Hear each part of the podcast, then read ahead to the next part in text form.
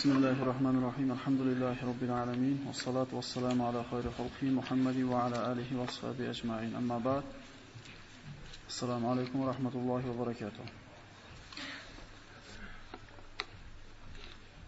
rizqqa baraka kirishlik sabablari degan darsimizning navbatdagisi bugun inshaalloh zaiflarga ihson degan dars o'tgan gaplashgan bo'ldik. Bugun Alloh yo'lida info ihson qilishlik degan mavzu bo'ladi. Lekin mana shu yangi mavzuga kirishligimizdan burun kechagi mavzuyimizga bir ozgina bir qaytsayda va ba'zi bir ta'liqlarda aytib o'tsak. Mana Rasululloh sollallohu alayhi vasallam hadislarda aytdi: "Ibghuni fi du'afaikum fa innama tuzaquna va tunsaruna bi du'afaikum." Allohning roziligini zaiflarning oldidan istanglar, Zero sizlarga yordam va rizq zaiflaringlar tufayli yetib keladi dedi payg'ambar sollallohu alayhi vasallam. Abu Hurayra roziyallohu anhu payg'ambarimizning ulug' sahobalardan edi va faqir kishilardan bo'lgan. Shunda shu kishi shu bir o'tirganida ba'zi bir kishilar "Ey Abu Hurayra, ozgina bir dunyo bilan shug'ullanib, sal bir 3-4 so'm topsiz bo'lmaydimi?" deb go'yoki bir kambag'alligini bir yuziga urgandek qilib gapirib o'tishganda payg'ambar sollallohu alayhi vasallamga bu xabar eshitib kelib aytgan ekanki, ana shu kishilarga qayoqdan bilasizlar? Ehtimol sizlarda yurayotgan tijoratinglar, ehtimol sizlarda yurayotgan bozoringlar Abu Hurayraga o'xshagan zaif, kambag'al bechora kishilarning duosi sharofatli bo'layotgandir. Ya'ni Allohning roziligini ana shu zaif bandalarni oldida qidiringlar bergan hadisning mazmuni shunga boradi.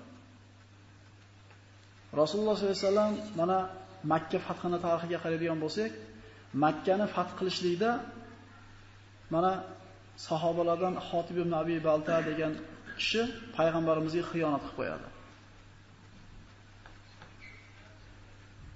Rasululloh sollallohu alayhi vasallam Makkani fath qilishligini juda bir maxfiy suratda amalga oshiradi. Toki Makkaga payg'ambar sollallohu alayhi vasallam qo'shin tortib ketayotganligini Quraysh xabarini topsa, tayyorgarlik ko'rsa, ana shu urush qilishlik harom bo'lgan hududda, Masjidul Harom hududida qon to'kilishligini payg'ambarimiz xohlamaganligidan imkoniyat boricha hech kimga aytgan emas va qaysi tomonga chiqishligini aytgan emas. Faqat o'ziga yaqin bo'lgan xos sahobalarga aytgan shularning qatorida Xotib ibn Abi Balta degan kishi ham bo'lgan. Rasululloh sollallohu alayhi vasallam ozgina adatdagi kishilarga bu narsani aytdi-da va Jibril alayhisalom payg'ambar sollallohu alayhi vasallamga bir ayol kishi Muhammad alayhisalom Makka ga qilishligini xabarini olib Makka ga ketayotganligini xabarini olib tushdi. Ali ibn Abi Talib va Zubayr ibn Avom Madinadan quvib chiqishdi ana shu karvonni.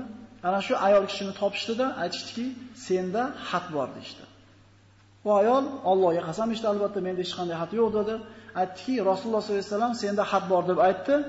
Senda had bor deydi. Payg'ambarimiz sifatlab bergan edi.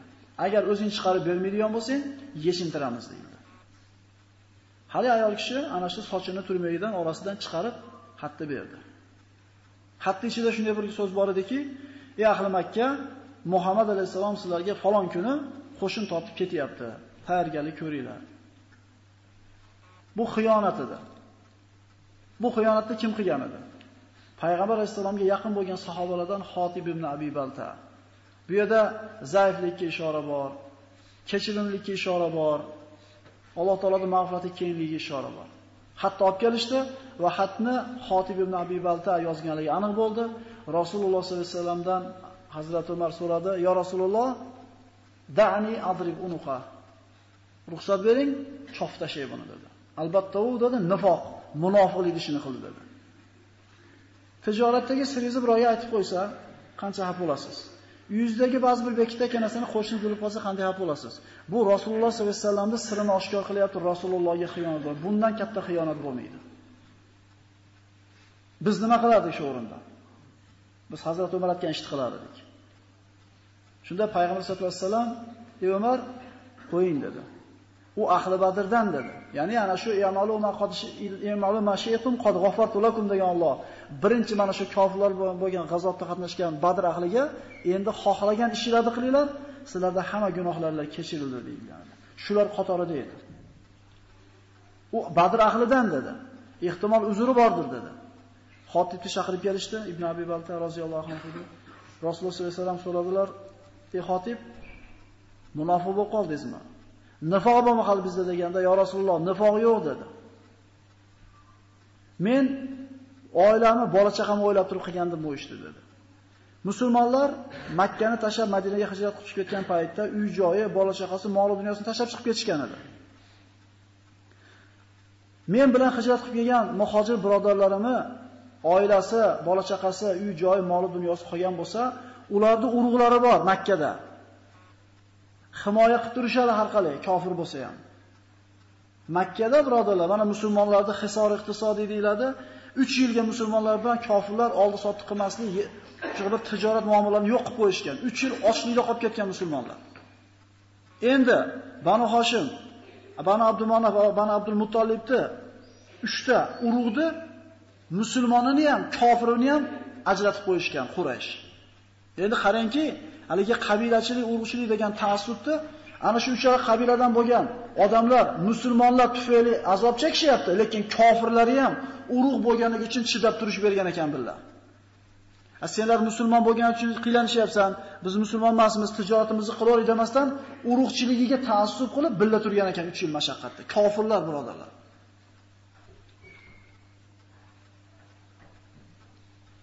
Ana shunday urg'ularinglar bor sizlarda.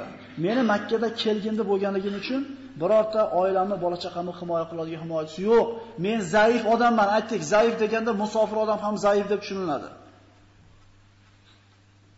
Shoyat mana shu xatimni o'qib Quraysh xotin bola chaqamga ozgina bir rahim shafqat qilamikin degan niyatda yozgan edim.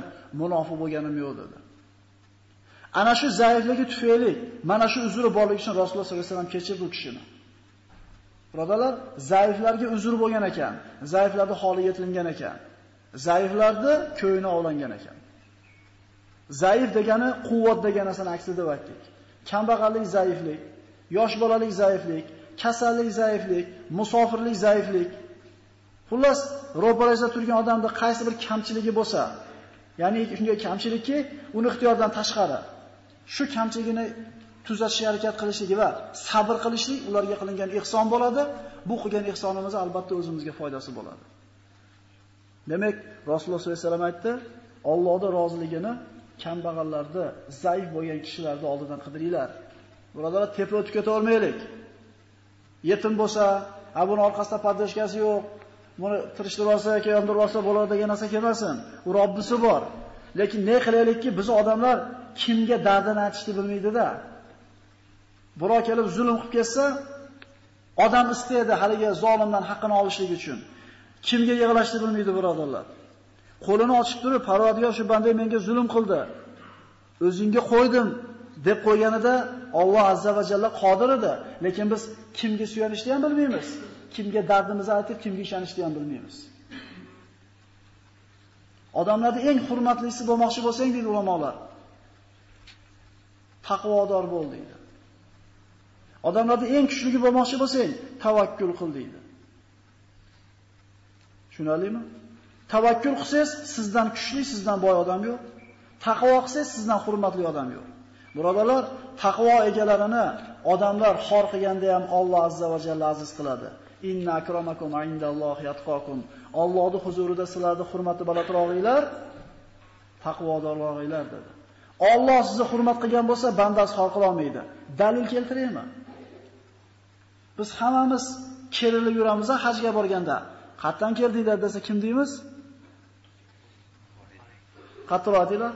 Buxoriymiz deymiz. O'sha bobomiz Buxoriyni yurtidan haydab chiqargan. O'sha Buxoro. Odamlarni xor qilib, behurmat qilib haydab chiqargan edi. Alloh aziz qilgan kishi ekan, taqvodor bo'lgan ekan. Buxoroligimiz bilan 1000 yildan beri faxrlanib yuribmiz.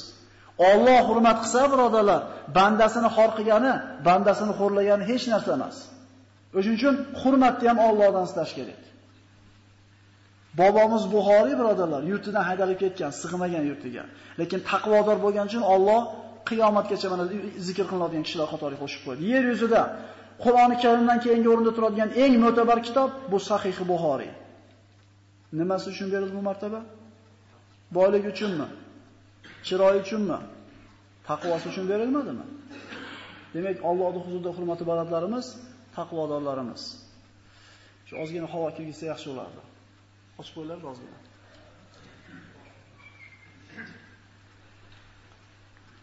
Demak, zaiflarga ehson qilaylik. Bu bizga kerak ekan. Bizga kerak ekan. Mana bugungi mavzuimizga o'tadigan bo'lsak, bu mana Allohning yo'lida infoq ehson qilishlik. Qorakalar qachon qorasa infoq ehson haqida gapiradi deb ba'zida shu masjidni bir obodonchiligiga yoki qandaydir bir sabablar bilan bir pul yig'ishlikka ishora qilinadigan bo'lsa, qandaydir yuzimizda yengil tabassum paydo bo'ladi. Qora akalar shu ehsondan gapiradi deb. Men ham hozir ehsondan gapiraman. Faqat bu ehson o'zinglar uchun ehson. Mana aytyapmiz, bu yerda hamma darslar Alloh taoloning buyurgan buyrug'i. Bu qilishimiz shart. Lekin shu ishni qilsanglar, cho'ntagilarga baraka keladi desa, endi qilamiz bularni. O'shuning uchun ehsonni ham rizqimizga baraka kelishiga sabab ekanligini eshitib qo'yaylik. Alloh subhanahu va taolo Qur'oni Karimda Saba surasida aytadi: "Astagfir billah va ma anfaqtum min shay'in fa huwa yukhlifuhu va huwa khayrur roziqin. Mana bitta oyat. Qaysi bir narsani Alloh yo'lida infoq qilar ekansizlar, bas u orqasidan albatta erchib keltirguchidir va Alloh rizq beruvchilardan yaxshirog'idir. Demak, cho'ntagimizdan chiqdimi, albatta erchitib keladi orqasidan deyapti Alloh taolo. Hovuzingizda suv bo'lsa, hovuzga suv kirib chiqib ketadigan bo'lsa, paqada olsangiz, suv ozayadi, o'rniga nima kiradi? To'lda turgan bo'lsa, suv kiradida naradan chiqib ketaveradi. Demak, ozayib qolishidan qo'rqib, hovuzdan suv olmayotgan paytimizda suv kirmaydi unga. Naridan kiradi, naridan chiqib ketaveradi. Paqirni olib, agar o'timizga shashganimizda, eshigimizga shashganimizda bizga qoladi, o'rniga nima bo'lyapti suv? Birodarlar, Alloh yo'lida infoq qilsak, bizga kelishligiga sabab bo'ladigan ishni qilib qo'yibmiz, kafolatlab qo'yibmiz. Tushunalingmi? Ibn Kasir aytadi: "Yaqlufu alaykum fid dunya bil badal va fil oxirati bil jazaa'i va thawab." Ibn Kasir mana shu oyat sharhida aytar ekanki, berganinglarda o'rni albatta to'ladi va oxiratda ulug' ajrga ega bo'lasizlar.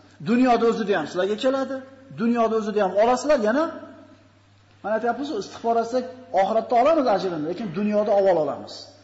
Dunyoda ham olasiz, oxiratda ham olasiz. Imom Rozi aytadi, kim infoq qilgan bo'lsa, o'rniga kelishligi shart bo'lgan ishni qildi. Bu aytdiki, suvni oldingiz ozaydimi, o'rniga suv keldi. Agar olmasangiz kelmaydi. Bermasangiz kelmas ekan. Hadis qudusida keladi, odam bolasi, anfiq unfiq alayk. Infoq qil deydi. Men ham senga infoq qilaman deydi. Ber deyapti, olasan deyapti. Bitta onarda ber deyapti, 9 ta kelganda 10 ta bo'lish kerak deysan deyapti. Biz bitta bir ikkita olsak ham boshimiz osmonga yetadi akalar. Ular bitta berib, 9 ta bersa yo'q, 10 ta bo'lish kerak deydi.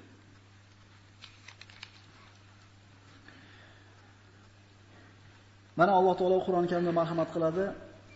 Astagfiru billah ya ayyuhallazina amanu anfiqu min tayyibati maktasabtum va mimma akhrajna lakum minal ardi va la tayammamul khabitha minhu tunfiquna wa lastum bi'akhidhihi illa an tughmidu fihi wa'lamu anna Alloha ghaniyyun hamid. Ash-shaytonu ya'idukumul faqra va ya'murukum bil fahsha' Vallohu ya'idukum mag'firatan minhu va fadla vallohu wasi'un alim. Oyat qarang. Bir ishni qilmoqchi bo'lsangiz, bir nechta odamga maslahat solasiz. Agar esiz bo'lsa. Esiz bo'lmasa bilganingizni qilasiz. Bir musulmon bilan musulmon bo'lmagan odam bir suhbatlashib qo'yganda aytgan ekan, "Bizning Qur'onimizda har bitta narsaga javob bor. desa, hamma yoqqa javob bormi? Absolutni hamma yoqqa javob bor debdi musulmon. Shunday bir ishonch lahjasi bilan. Hali aytibdi, mana endi seni yasayman debdi-da, bir Qur'onda bo'lmagan narsani so'rabdi. Misol, kompyuter haqida so'rabdi deylik. Falon kompyuter mana ishni qana bajaradi deganda, yo'q bu unga javob. Mana seni ushladim deganda haligi musulmon boyaga ishonch lahjasini aytibki, aytaymi bizni Qur'onda nima deyilgan debdi. Aytaymi nima deyilgan debdi. Ayt desa, fasalu ahla zikri in kuntum la ta'lamun degan. Bir narsani bilmasanglar, biladiganlardan so'ranglar degan degan ekan. Ya'ni bir ish qilmoqchi bo'lsangiz, biladigan odam bilan maslahat qilasiz. Shundaymi? Esiz bo'lsa, chunki Alloh taolo buyuryapti, aqling yetmaydimi, maslahat qil deyapti. Man shovaram narsa malaku qulahum deyiladi. Kim odamlarga maslahat qilsa ishini, biladigan odamlarga, ularda aqliga ega bo'pti deydi. 1 kilo aqli bo'lsa 5 ta odam bilan 5 ta kilo aqlda egasi bo'lyapti. Mana maslahat so'raymiz ekan. Pul topishlikka yoki boshqa narsaga. Shu maslahat so'rayotgan odamlarimizdan eng ishonchlisini gapini olamiz. Bu sal qitmiriroq. bu hazlashib ham qo'yadi ancha-muncha. Maslahat berib qon tushirib qo'yishi ham mumkin. Bu uchinchisi haqiqatan gapini havoga tashlaydigan odam emas. Ishonchligini gapini olamiz. Mana endi keldi go'sht to'shkasiga. Cho'ntagingizdagi pulni sadaqa qiling bir qismini desa, shayton nima deydi? O'zingchi deydi. Robbimiz nima deydi? Bersang, qaytarib mendan oladigan narsani sababini qilsan deydi. Ber, olasan desa shayton bema, kam bo'lib qoladi deyapti. Biz kim gapini olamiz shu yerda? Ali roziyallohu anhu bergan ekan, 10 dan olibdi. Bo'lmasa bir dona onaga ega bo'lardi. Bir dona ona zo'rg'a topib uyga olib kelyapti. Fatima onamizga. Bitta onani beraman, o'zi bitta demagan ekan, bergan ekan. Shayton deydi Alloh taolo. Sizlarga ikkita narsani deydi, va'da qiladi deydi. Ash-shaytonu ya'idukumul faqr. Kambag'al bo'lib qolasan, bema deydi. Va munkarga buyuradi. Kambag'al bo'lib qolasan deydi, gunohga buyuradi. Endi Alloh nimaga buyuradi? Vallohu ya'idukum mag'fira va fadla. Alloh gunohinglarni kechirishligini va'da qiladi va fazl ko'paytirib berishligini va'da qiladi deydi. Shayton ikkita narsa va'da qilyapti, Alloh ikkita narsa va'da qilyapti. Shu o'rinda kimga gapini olyapmiz hayotda ko'proq insof bilan aytaylik. Kamayib qoladi deyapmiz. Chunki rizqni o'zimiz topyapti deydi. Rizqni o'zi topayotgan odamniki kamayib qoladi, to'g'ri aytyapti u. Rizqni Alloh beradi deydigan odamniki kamamaydi. Tushunarlimi? Bu tavakkuli zaif bo'lgan odamda bo'ladi bu narsa. Rizqimni Alloh beradi degan odam bersam Alloh beraman deyapti. Robbim innahu la yuflihul miyad. Alloh ahdiga nima qilmaydi? Xilof qilmaydi, va'dasini ustidan chiqadi. Demak, berma deyotgan kim ekan? Ber deyotgan kim ekan? Chiqaramizda u ham qachon? Shu kelganda oldingizga. Olib turib sarig'ini istaymiz. Sarig'in ichidan g'ijimrog'ini istaymiz. Vaholanki birodarlar, o'sha qolgani bizniki emas, ketgani bizniki. Rasululloh sollallohu alayhi vasallam kunlarda birida qo'y so'yib tarqatdi-da, Oysha onamizga kelib, o'zimizga ham biror narsa qoldimi dedi. Ha Rasululloh dedi Oysha xursand bo'lib, bitta qo'li qoldi o'zimizga dedi. Dedi, a estikina shu bitta qo'li o'zimizga tegmabdi-da degan ekan. Ya'ni berib yuborganimiz hammasi bizga o'tibdi-yu, shu bitta qo'lga javob beramiz ekanda, bitta qo'l bizniki bo'lmabdi-da deyapti. Endi birodarlar, Ulamolardan bittasini shagirdi 30 yil o'qigan ekan domlasida. 30 yil. 30 yilda nimani o'rgandingiz desa 6 qator narsani o'rgandim degan ekan. Shundan ba'zilarini aytib beraman, hammasini aytsam vaqt ko'p ketib qoladi. Nimani o'rgandingiz desa, birinchi qator va ma min dabbatin illa alallohi rizquha. Oyat. O'malaganki jonivor bor, rizqi Allohning qo'lida ekan, shuni tushundim deyapti. Voy zo'r narsani tushunibdi 30 yilda. Biz 30 minutda 600 ta narsani eshitib ko'ramiz. Lekin menga olib kelishlik yo'q bizda. Rizqim Allohning zimmasida ekan, rizq haqida g'am qilmadim deydi. Zo'r narsani tushunibdi. Eng asosiy narsani tushunibdi. Agar rizq bolalar, shu rizqni gapiryapsiz hadis. Rizq nimaligini tushunib olsak, ibodatda eng huzur halovat topamiz. To'g'rimi? Jumaga taqab bormaymiz. Ikki rakat o'qib turib qochmaymiz. rizq Allohning uyida masjidda ekanligini tushunsak, ibodatda huzur bo'ladi bizda. Ikkinchisi nimani tushundingiz desa, innamal mu'minuna ikhwa ekan dedi. Mu'minlar aka-uka ekan. Birorta mu'minga qalbimda g'illag'ashlik, gina kudurat qoldirmadim dedi. Bu qalb xotirjamligi. Yana nimani tushundingiz? Hamma narsani har kimni do'sti bo'lar ekan dedi. Meni do'stim ibodat ekan dedi. Dunyodagi hamma do'stlarim qabrda ustida qolar ekan. Lekin qabrda, qiyomatda, sirotda men bilan turadigan do'stim faqat ibodat ekan. Ibodatdan boshqa narsani do'st tutmadim deyapti. Yana nima tushundingiz? Hammani uyi bo'lar ekan deyapti ustoziga, shagirdi. Meni uyim qabr ekan dedi. Shu qabr degan uyimni obod qilishlikka bel bog'ladim deydi. Buxoriy yuz olmagan ekan birodarlar. Imom Buxoriy kundamut qo'yib, devor ko'tarib, starapul tortib, lampa qoqtirmagan ekan. Chodir qulli o'tib ketgan ekan. U kishi faqat qabrga olib tushib ketadigan narsani jam ekan. Qabr ekan uyim, qabrimni obod qilishlikka bel bog'ladim deydi. Akalar solayotgan uylarni miqini pulini o'tkazdinglarmi qabrga? Solgan uyingizni qilgan, xizmatini qilgan ustalarga bergan ovqatingizni yarmini qabringizga o'tkazdingizmi degan savolni o'zimizga berib ko'rsak, uyalib ketamiz. Biz hammamiz faqirmiz. Hammamiz faqirmiz. Shuning uchun payg'ambar sollallohu alayhi vasallam aytayapti, bitta qo'li o'zimizga tegmabdi-da deydi. Demak, biz uyimiz kim ekan? Qayer ekan? Mana uy solyapsizlar, birodarlar. Necha yil yashamoqchisizlar shu uyda? Boringki, mana shunda bir 20 kirgan bola otasi uy solib bergan bo'lsa, boring 70 kirsa, boring 50 yil yashab toshib ketsa, lekin qiyomatgacha necha yil turadi qabrida? Albatta 50 yildan ko'p bo'ladi inshaalloh. To'g'rimi? Qaysi uyda obod qilyapmiz biz? Yana nima o'rgandingiz desa, hammani xaridori bo'lar ekan deydi. Meni xaridorim Azroil ekan deydi. Hadislarda kelar ekan, Azroil alayhissalom har bitta odam bolasini peshonasiga kunda 5 mahavro ro'bora kelar ekan, birodarlar. Agar namozga beparvo yurganlarimiz bo'lsa, hammasini shomga qo'shib o'qilar ekan. Ko'zini katta ochib qo'ysa, namozni ber besh vaqtliga bejiz bo'lmasa kerak, vallohu alam. 5 mahal kelar ekan. Lekin o'zi ham bilmasan ekan joni qachon olishlikni. Alloh oling deganda olib ketaverar ekan. O'sha xaridorim kelganda tayyor turishlikni o'rgandim deydi. Ketdik deganda ketdik deb ketadigan bo'ldi. Shu aytilgan ba'zi narsalar ekan. Shuning uchun uy solyapmiz, e, to'playapmiz va hokazo. Alloh yo'lda berganimiz o'zimizniki. U oxiratga o'tkazib nasiya bo'lib qolmayapti, birodarlar. Dunyoda avval naq olasizlar, keyin oxiratdagisi nasiya bo'lyapti. Mana hadis sahih Muslimda keltirilgan ekan. Alloh azza va jalla aytadi: "Ya ibn Adam, anfiq unfiq alayk." Ey odam bolasi, biz ishonib olmayapmiz-da. Shu shamikin degan narsa turib qolyapti-da, Alloh o'zi saqlasin.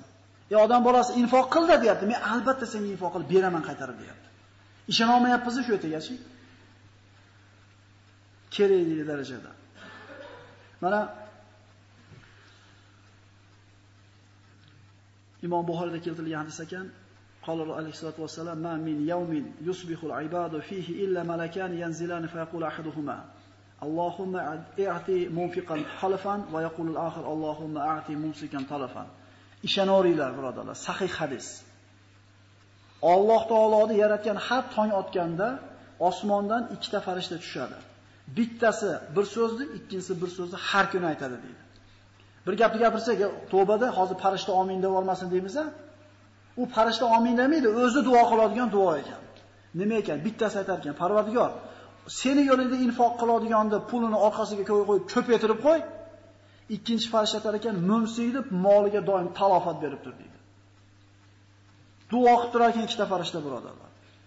Infoq degani albatta falon pulni tushunmaylik, bir so'm ham infoq, bittadan ham infoq. Har kim cho'ntagiga qarab qodir bo'lganicha. Bo'lsa biz ham qilardik, mas akalar. Infoq faqat boylarning ibodati emas. Kambag'allar qilsa ham bo'laveradi. Faqat odatlanish kerak bu narsani. Xususan mana shunaqa bir zakot berganda, qurbonlik qilganimizda, xayr ehson qilganimizda akalar, o'g'il farzandlarimizni yetalab olaylik. Otalari Alloh yo'lida infoq qilayotganligini ko'rsin. Go'shtni bering, olib qo'li bilan bersin, o'rgansin shu narsani. Olavermasdan. Tushunarlimi? Berishni o'rgansin. Chunki bersa Allohdan olar ekan. Bolangizga rahmingiz kelsa, olishni emas, berishni o'rgating. Robbisi bersin unga.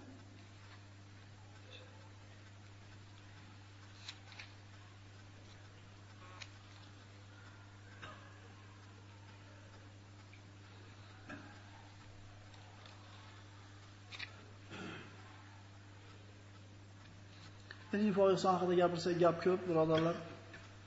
Alloh alam kifoya qilsa kerak. Inshaalloh keyingi suhbatda juda bir zo'r dars bu ham tafriqul qalbi ibadatillahi taala degan mavzu bo'ladi. Qalbni Allohning ibodatiga bo'shatib qo'yishlik degan mavzu bo'ladi. Bu juda bir shirin mavzu. Inshaalloh Alloh nasib qilsa, quloq qolmasanglar, uni ham aytib beramiz inshaalloh. Assalomu alaykum va rahmatullohi va barakatuh.